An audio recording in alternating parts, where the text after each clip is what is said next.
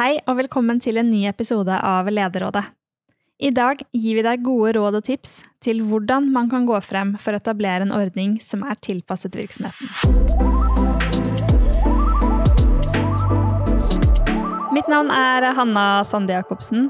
Jeg er COO i The DeWitt, og jeg skal lede dere gjennom denne podkasten. Og i dag så har jeg med meg Lise Gran og Trond Erik eh, Solheim i, i studio. Dere kommer fra advokatfirmaet Humle Olsby Littler. Velkommen. Takk. Takk, takk. Vi møtte jo dere begge i de første episodene av denne miniserien om det nye arbeidslivet og, og hjemmekontor. Og nå er dere tilbake igjen. I mellomtiden så har vi jo fått innblikk i hva andre aktører tenker om det å, etablere en modell for hjemmekontor, og også litt om hvordan valg av ulike modeller påvirker andre forhold, som f.eks. Eh, kulturbygging. Vi har fått muligheten til å snakke med arbeidstakere for å høre deres tanker og forventninger, og i dag så skal vi snakke om hvordan man kan gå frem for å etablere gode, tilpassa ordninger for hjemmekontor. Trond Erik, eh, du er jo ikke bare advokat og, og rådgiver for arbeidsgivere, men du er jo også en arbeidsgiver selv. Har du noen erfaringer og tanker sett fra ditt ståsted som, som arbeidsgiver, når man skal ta vurderinger av knyttet til modell for hjemmekontor, hvor begynner man da? Jeg har vel erfart det samme som mange andre, vil jeg tro. Det var en stor overgang når alle ble satt på hjemmekontor nærmest over natten. Men på mange måter så har det jo gått overraskende greit. Økt bruk av hjemmekontor det har kommet for å bli, og det er noe som vi må forholde oss til som arbeidsgivere, vi også. Så har vi som alle andre også erfart både positive og negative sider ved hjemmekontor, og vi er vel glade, vi også, for å kunne sitte sammen igjen framover. Mm. Men arbeidslivet det har endra seg, og vi kommer ikke til å gå tilbake til slik det var før koronaen. Både fordi vi som arbeidsgivere ser at fleksibiliteten bidrar til økt produktivitet, og fordi de ansatte forventer større grad av fleksibilitet nå enn tidligere. Og Det at arbeidslivet har forandra seg, og har forandra seg varig, det gjør at arbeidsgivere må angripe hjemmekontor på en mer systematisk og planmessig måte nå enn tidligere. I den perioden vi har vært gjennom, så måtte vi alle bare sitte hjemme og forholde oss til de ordrene vi fikk. Men framover så blir det annerledes. Det er faktisk lovpålagt. Arbeidsgivere som åpner for mer enn sporadisk bruk av hjemmekontor, de må ha en plan for det, og de må lage individuelle avtaler med de ansatte som berøres av det. Og det er egentlig et krav allerede i dag, så de som ikke har kommet i gang med det, de er faktisk litt seint ute. Mm. Så de må bare sæla på? Ja. du nevner jo litt, eh, Trond Erik, at eh, ansatte har andre forventninger og ønsker nå enn de har hatt før. Eh, du sier at de bl.a. forventer større grad av fleksibilitet. Hva er din erfaring med det, Lise, i forhold til saker dere er involvert i, og, og hvordan ser dere på en måte ansattes forventninger og ønsker komme til syne nå? Altså, vi ser jo at det er flere ansatte som har begynt å innrette livet sitt eh, etter at det er en ordning med fast hjemmekontor, i større eller mindre grad. Altså, noen har flytta lenger ut av byen, eh, noen har flytta hjem til bygda. Andre ønsker å være så mye som mulig fysisk på kontoret osv. Men fokuset i mediene har jo ofte vært hvor mye får man lov til å sitte hjemme? Og hvor mye må man være fysisk på kontoret hvis man helst vil ha hjemmekontor? Og den fleksibiliteten som arbeidstaker kanskje trodde at vedkommende selv skulle kunne bestemme over, den har kanskje arbeidsgiver funnet ut at de må sette noen grenser for. Mm. Eh, kanskje er det ikke sånn at man kan bo hjemme på bygda og aldri komme på kontoret når koronaen er over, men man kanskje må komme inn ja, eh, noen ganger i måneden, eller rett og slett noen ganger i uka, og, og arbeidstaker må innrette seg deretter også.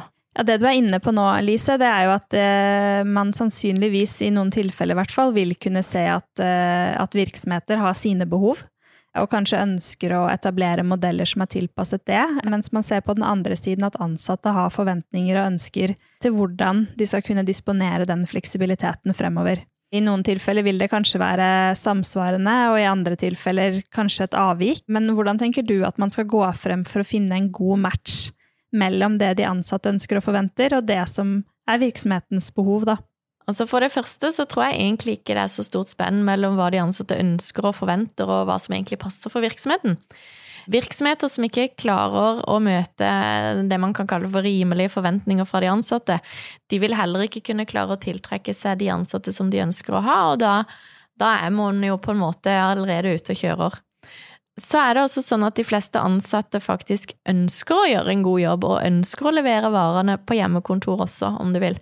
Og når de ansatte kommuniserer et sånt et ønske eller behov for fleksibilitet, så er jo det ofte motivert vel så mye i en vurdering av hva skal til for at den ansatte leverer best mulig, som i hensynet til mer fritid og mindre jobb de ansatte de er faktisk ganske gode til å ta hensyn og innrette seg etter virksomhetens behov, og levere også på hjemmekontor. Så det er noe som virksomhetene må ha med seg. Og så vil nok flere virksomheter ha noen torn i sida som farger litt eh, hvordan de tenker, men, men jevnt over så tenker jeg nok at eh, de ansatte er motiverte og ønsker å levere.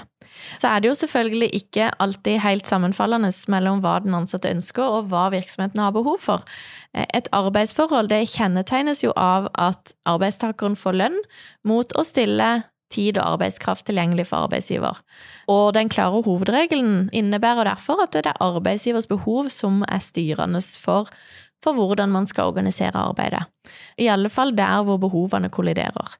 Og om og i hvor stor grad det skal åpnes for hjemmekontor, det er noe som arbeidsgiver bestemmer i kraft av styringsretten sin, som vi har vært inne på både i tidligere episode og, og en bonusepisode. Men det er altså arbeidsgiver som bestemmer til syvende og sist. Det betyr ikke at det er arbeidsgiver som sitter med fasiten. Det er ofte viktig å gå i dialog med tillitsvalgte, vernetjenesten, de ansatte selv, for å høre hva de tenker og ønsker, og hvilke behov de kommuniserer, det tenker jeg iallfall er viktig i større og mer komplekse virksomheter. Fordi at eh, veldig ofte så viser det seg jo at man faktisk har ganske sammenfallende behov når man ser på det. Og så tror jeg også det er sånn nå med koronaen har alt vært pålagt, og alle må. Nå kommer det en periode hvor man rett og slett må bare prøve å feile litt. Tenke at ting er litt midlertidig, og, og, til slutt finne det som passer for sin egen virksomhet og, og, den enkelte ansatte også. Kunne gjøre endringer underveis tenker jeg blir viktig. Så det er ikke sånn at alt skal være hugga i stein med en gang man ser noe. Nei, ikke sant. Og det er jo sikkert veldig mange som òg har Altså, de fleste har jo skaffet seg mye og god erfaring nå gjennom pandemien med hjemmekontor, og, og det, den erfaringen som man har gjort så nå, kan kanskje også være førende for hva slags modell man velger å gå for fremover i en mer normal situasjon.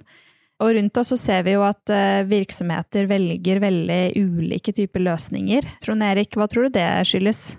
Jeg tror det er ganske sammensatt. Først og fremst så avhenger det jo i stor grad av hva virksomheten driver med. Hvis man driver en frisør- eller rørleggervirksomhet, så er det jo ganske begrensa hvor mye hjemmekontor du kan tilby, i hvert fall til frisøren og rørleggeren. Og mye av nøkkelen nøkkelen, eller svaret, ligger nok her. Det er ganske store variasjoner i hvor stor grad arbeidsoppgavene på en hensiktsmessig måte kan utøves fra hjemmekontor. Men det er nok ikke hele svaret, og det er ganske store variasjoner i bruk av hjemmekontor også blant virksomheter som er ganske like, eller som har arbeidsoppgaver som man skulle tro er ganske sammenlignbare når det gjelder muligheten til å utøve det fra hjemmekontor. Og det skyldes nok mange forhold. Tradisjon og ikke minst innstilling blant eierne og lederne, det tror jeg spiller en stor rolle. Kanskje er det også et generasjonsskille. Men jeg tror nok mye av de ulikhetene skyldes at vi er i en overgangsfase, og at markedet vil korrigere det over tid. Arbeidsgivere som ikke vil eller klarer å tilpasse seg behovet eller forventningene om fleksibilitet, vil over tid tape i konkurransen om å tiltrekke seg de attraktive ansatte. Og på den annen side arbeidsgivere som gir feil folk hjemmekontor. De vil tape produksjonsmessig, eh, og tape på den måten. Og det vil jevne seg utover tid. og ordningene kommer til å bli mer og mer like. Men som arbeidsgiver så er jo det en mager trøst hvis man har valgt feil strategi nå. Det kan rett og slett bli en ganske dyrkjøpt erfaring. Mm. Du snakker om det med å på en måte gi feil folk muligheter til hjemmekontor. Altså, tillit er jo et viktig begrep her, og det vil vel være helt avgjørende for om man lykkes med en hjemmekontorordning. Men skal man egentlig være avhengig av å se de ansatte for å kunne stole på at de gjør jobben sin? Lise? Altså Har du valgt feil folk til å jobbe hjemmefra, så kan man nok tenke seg i noen tilfeller at du bør se de eh, og få de inn på kontoret. Men, eh, men det er jo eh, ikke bare de som, som, man kanskje trenger å se. Det er jo noe med det arbeidsmiljømessige å ha fysiske møtepunkter, om det er på kontoret, i et team, i forbindelse med arbeid eller bare sosialt. erfaringa viser jo at det er ikke det samme å ta en kaffe over Teams som å stå på kjøkkenbenken på kontoret og, og ta seg en kaffe. Nyansatte de eh, syns kanskje det er vanskeligere å stikke innom eller spare med kollegaer når de sitter på hjemmekontor og må liksom ringe eller gå via Teams, istedenfor bare å ta den litt sånn i ganga. Og vi har også mer erfarne ansatte som tar til orde for at eh, det faktisk er best å diskutere fysisk og gjøre ting sammen. Så en kombinasjon, tenker jeg, at man ser de ansatte både fysisk eh, og ikke. Men så har du også det arbeidsmiljømessige. Ikke sant? Arbeidsgiver skal eh, forsikre seg om at ansatte på hjemmekontor også har et fullt forsvarlig arbeidsmiljø. Og det er jo et, et krav som gjelder både det fysiske og det psykososiale arbeidsmiljøet og som må dokumenteres gjennom virksomhetens HMS-arbeid. I en tidligere episode så var vi litt inne på dette med styringsretten, og hvordan arbeidsgivere faktisk kan lage gode policyer nå som er tilpassa sånne interne forhold eller behov. Vil si at det kan variere internt.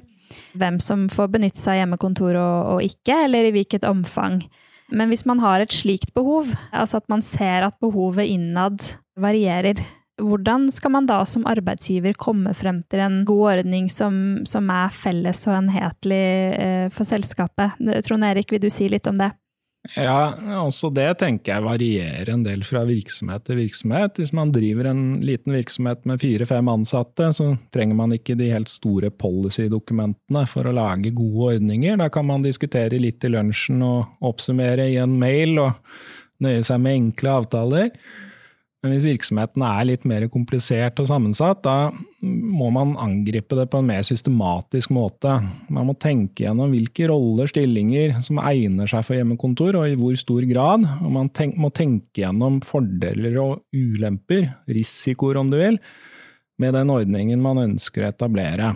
Og det vil i praksis veldig ofte innebære at man må skille mellom ulike ansattegrupper. Ansatte som har oppgaver som egner seg godt for hjemmearbeid, de kan få større frihet. Ansatte med oppgaver som i større grad krever tilstedeværelse eller tilsyn på kontoret, de kan ikke ha like stor frihet. Da går det rett og slett gærent. Men det er viktig at dette gås opp på en god måte i forkant, at de skillene som gjøres gir mening og er forståelig for de ansatte. Og det må man gjøre i policyen, eller regelverket for ordningen, i motsatt fall så vil de ansatte fort føle på urettferdighet. At noen forskjellsbehandles, eller at, praksis, at praksisen ikke er konsistent. Og da har man laget en ordning som skaper mistrivsel og, og, konflikt, snarere enn en ordning som oppleves som et gode og som noe positivt. De ansatte de, de ønsker jo forutberegnelighet, og selv om det ofte er et litt vanskelig ord, så ønsker de rettferdighet i arbeidsgivers tilnærming til bruken av, av hjemmekontor. Og hvis de ansatte ikke forstår hvorfor Kari får stor grad av frihet til å jobbe hjemmefra, og Kjell ikke får lov i det hele tatt, ja, da har man et problem. Når det er sagt, så betyr ikke det at man bør lage et regelverk eller policy-dokument som i stor grad skaper rettigheter for de ansatte, som arbeidsgiver ikke lenger har styring over, eller hvor arbeidsgiver mister muligheten til å gjøre individuelle vurderinger. Det er fullt mulig å lage policyer som både gir forutberegnelighet for de ansatte og klare kjøreregler, men som samtidig ivaretar arbeidsgivers behov for å differensiere mellom ulike grupper og uh, gjøre individuelle vurderinger. Så det er ikke noe motstrid mellom styringsretten og det å ha et godt regelverk og gode policydokumenter. På mange måter så er et godt policydokument det er selve grunnfjellet eller styringsredskapet for arbeidsgiver når de skal utøve styringsretten så er det jo sånn at eh, det er ikke nok med en policy. Selv om den på en måte er grunnverktøyet, så, så har vi en hjemmetorforskrift som sier at man må også ha en individuell avtale. Forskriften sier jo ikke noe om policy, det er mer en, en eh, fin måte å gjøre det på. Og så har man en individuell avtale som, som forskriften sier man må ha. Den er mellom arbeidsgiveren og arbeidstakeren, og der sier forskriften også noe om hva den avtalen må regulere av forskjellige elementer, f.eks. omfang av hjemmekontor, arbeidstid på hjemmekontor, oppsigelsesregler for hjemmekontoravtalen osv. Mm. Mye av dette kan nok være regulert i policyen, sånn at man på en måte kan vise til policyen, og, og, og, eh, mye er felles. Men så kan man jo også spesialregulere for eh, individer hvis man trenger det, eller tenker at det er hensiktsmessig at eh, Kari får lov til å jobbe mer enn den eh, gjennomsnittsprosenten man har på hjemmekontoret i policyen, mens, mens Kjell han får faktisk eh, kun én dag hjemmekontor i uka. På grunn av forskjell, Man må passe på å ha en saklig begrunnelse da, på hvorfor man forskjellsbehandler der hva som bør stå i policyen, og hva som bør stå i avtalen, og hva som bør stå begge deler, det kan nok variere, og det er ikke noe fasit her. Det kommer litt an på virksomheten og behovene, og jo større og mer komplekse virksomheten er, jo mer bør jo egentlig da reguleres i policy- og regelverksdokumenter, sånn at man ikke miste oversikten. For det er jo det som ofte er vanskelig hvis man har bare en masse individuelle avtaler, og huske på hva er liksom de overordna styringsmekanismene og prinsippene. I mindre virksomheter så trenger man kanskje ikke en policy i det hele tatt, man kan bare nøye seg med en avtale med de fire-fem ansatte som er der. Og så ser vi jo ofte at i tillegg til policy og avtale, så er det mange arbeidsgivere som bruker en sånn slags egenerklæringsskjema for å forsikre seg om det fysiske og psykososiale arbeidsmiljøet til de ansatte, men også sikkerhet og konfidensialitet osv. Og, så og det vil jo være en måte å dokumentere arbeidsgivers plikt til å så langt som mulig forsikre seg om et, et, fullt forsvarlig arbeidsmiljø. Men så er det jo også viktig at arbeidsgiver følger opp arbeidsmiljø løpende. Arbeidsgiver kan jo ikke banke på døra hjemme hos de ansatte, så man er på en måte prisgitt hva de ansatte sier. Men det å skape fora hvor man kan prate om hvordan det er på hjemmekontor, om ting fungerer og ikke fungerer, det er viktig, og bør også dokumenteres fortløpende med tanke på at forskriften sier at man skal ha hjemmekontorarbeid osv. som en del av den systematiske HMS-arbeidet til virksomheten. Mange gode råd og mye viktig informasjon her for arbeidsgivere idet de skal gå i gang med å etablere modeller for hjemmekontor fremover. Kan vi ikke oppsummere noen, noen key takeaways fra i dag, og litt i forhold til da spesifikt hvordan man kan gå frem for å etablere gode ordninger som er tilpassa virksomheten? Trond Erik, vil du begynne, og så gir jeg ordet til deg, Lise? Det viktigste er å tenke nøye gjennom hva som er en god løsning for din virksomhet. Da snakker jeg ikke om hva som er praktisk for deg som leder. De fleste ledere vil jo tenke at det praktiske for meg er at alle sitter rundt meg der jeg til enhver tid er. Man må tenke større enn som så. Hva skal til for at mine ansatte, både som enkeltpersoner, gruppe og, og virksomhet, leverer best mulig på det vi driver med? Det er spørsmålet. I den vurderingen så er det ganske mange hensyn å ta, og vurderingen må gjøres på grunnlag av den virkelighet vi befinner oss i nå. Det nytter ikke å drømme seg to, fem, ti år tilbake og tenke at koronaen er over, så, så er alt som før. Det er det ikke. Verden har endret seg. Og de som ikke tilpasser seg, de vil tape på det. Så det er mye bedre å få satt et skikkelig ror i vannet og få styringsfart. Og det roret det er en god og gjennomtenkt strategi for bruken av hjemmekontor i min virksomhet. Og for å få til det, så må man også involvere de ansatte. Mm, det tror jeg også er viktig. Man må huske på saksbehandlinga også, ikke sant. Lage en policy, diskutere det med de relevante aktørene, om det er vernetjenesten, ansatte, tillitsvalgte. Lag sånne egne erklæringsskjemaer som de ansatte fyller ut, og, og ha en god avtalemal som du bruker for de ansatte som skal ha hjemmekontor alle disse formelle dokumentene, man kaller det, må være gode, gjennomtenkte, og sikre at arbeidsgiver også beholder styringsretten så mye som mulig. Og så må du også huske på at eh, selv om man har gjort alt det, fått på plass avtalen, så er ikke jobben slutt der. Du må fortsatt følge opp de ansatte sosialt, faglig og arbeidsmiljømessig på hjemmekontor. Og så er det også viktig å ta jevnlige evalueringer. Hva fungerer, og hva fungerer ikke? Er det noe i policyen som vi bør endre, og hvorfor? Sånn at ehm, jeg tror nok at vi vil ha en periode som er litt sånn mellomperiode, hvor man prøver og feiler, finner ut hva som funker, og så til slutt så har man landa på hva som rulles ut litt mer sånn generelt for alle. Mm. Det er et, eh, et, godt poeng som jeg har lyst til å fremheve litt. Altså det å faktisk vente med å gjøre de store investeringene i modellen før man vet hva som faktisk funker. Mm. Veldig gode råd på, på veien, og jeg tenker at med det så er vi ved veis ende for denne gang. Tusen takk til dere, Lise og Trond Erik. Takk. Takk, takk. Vi høres.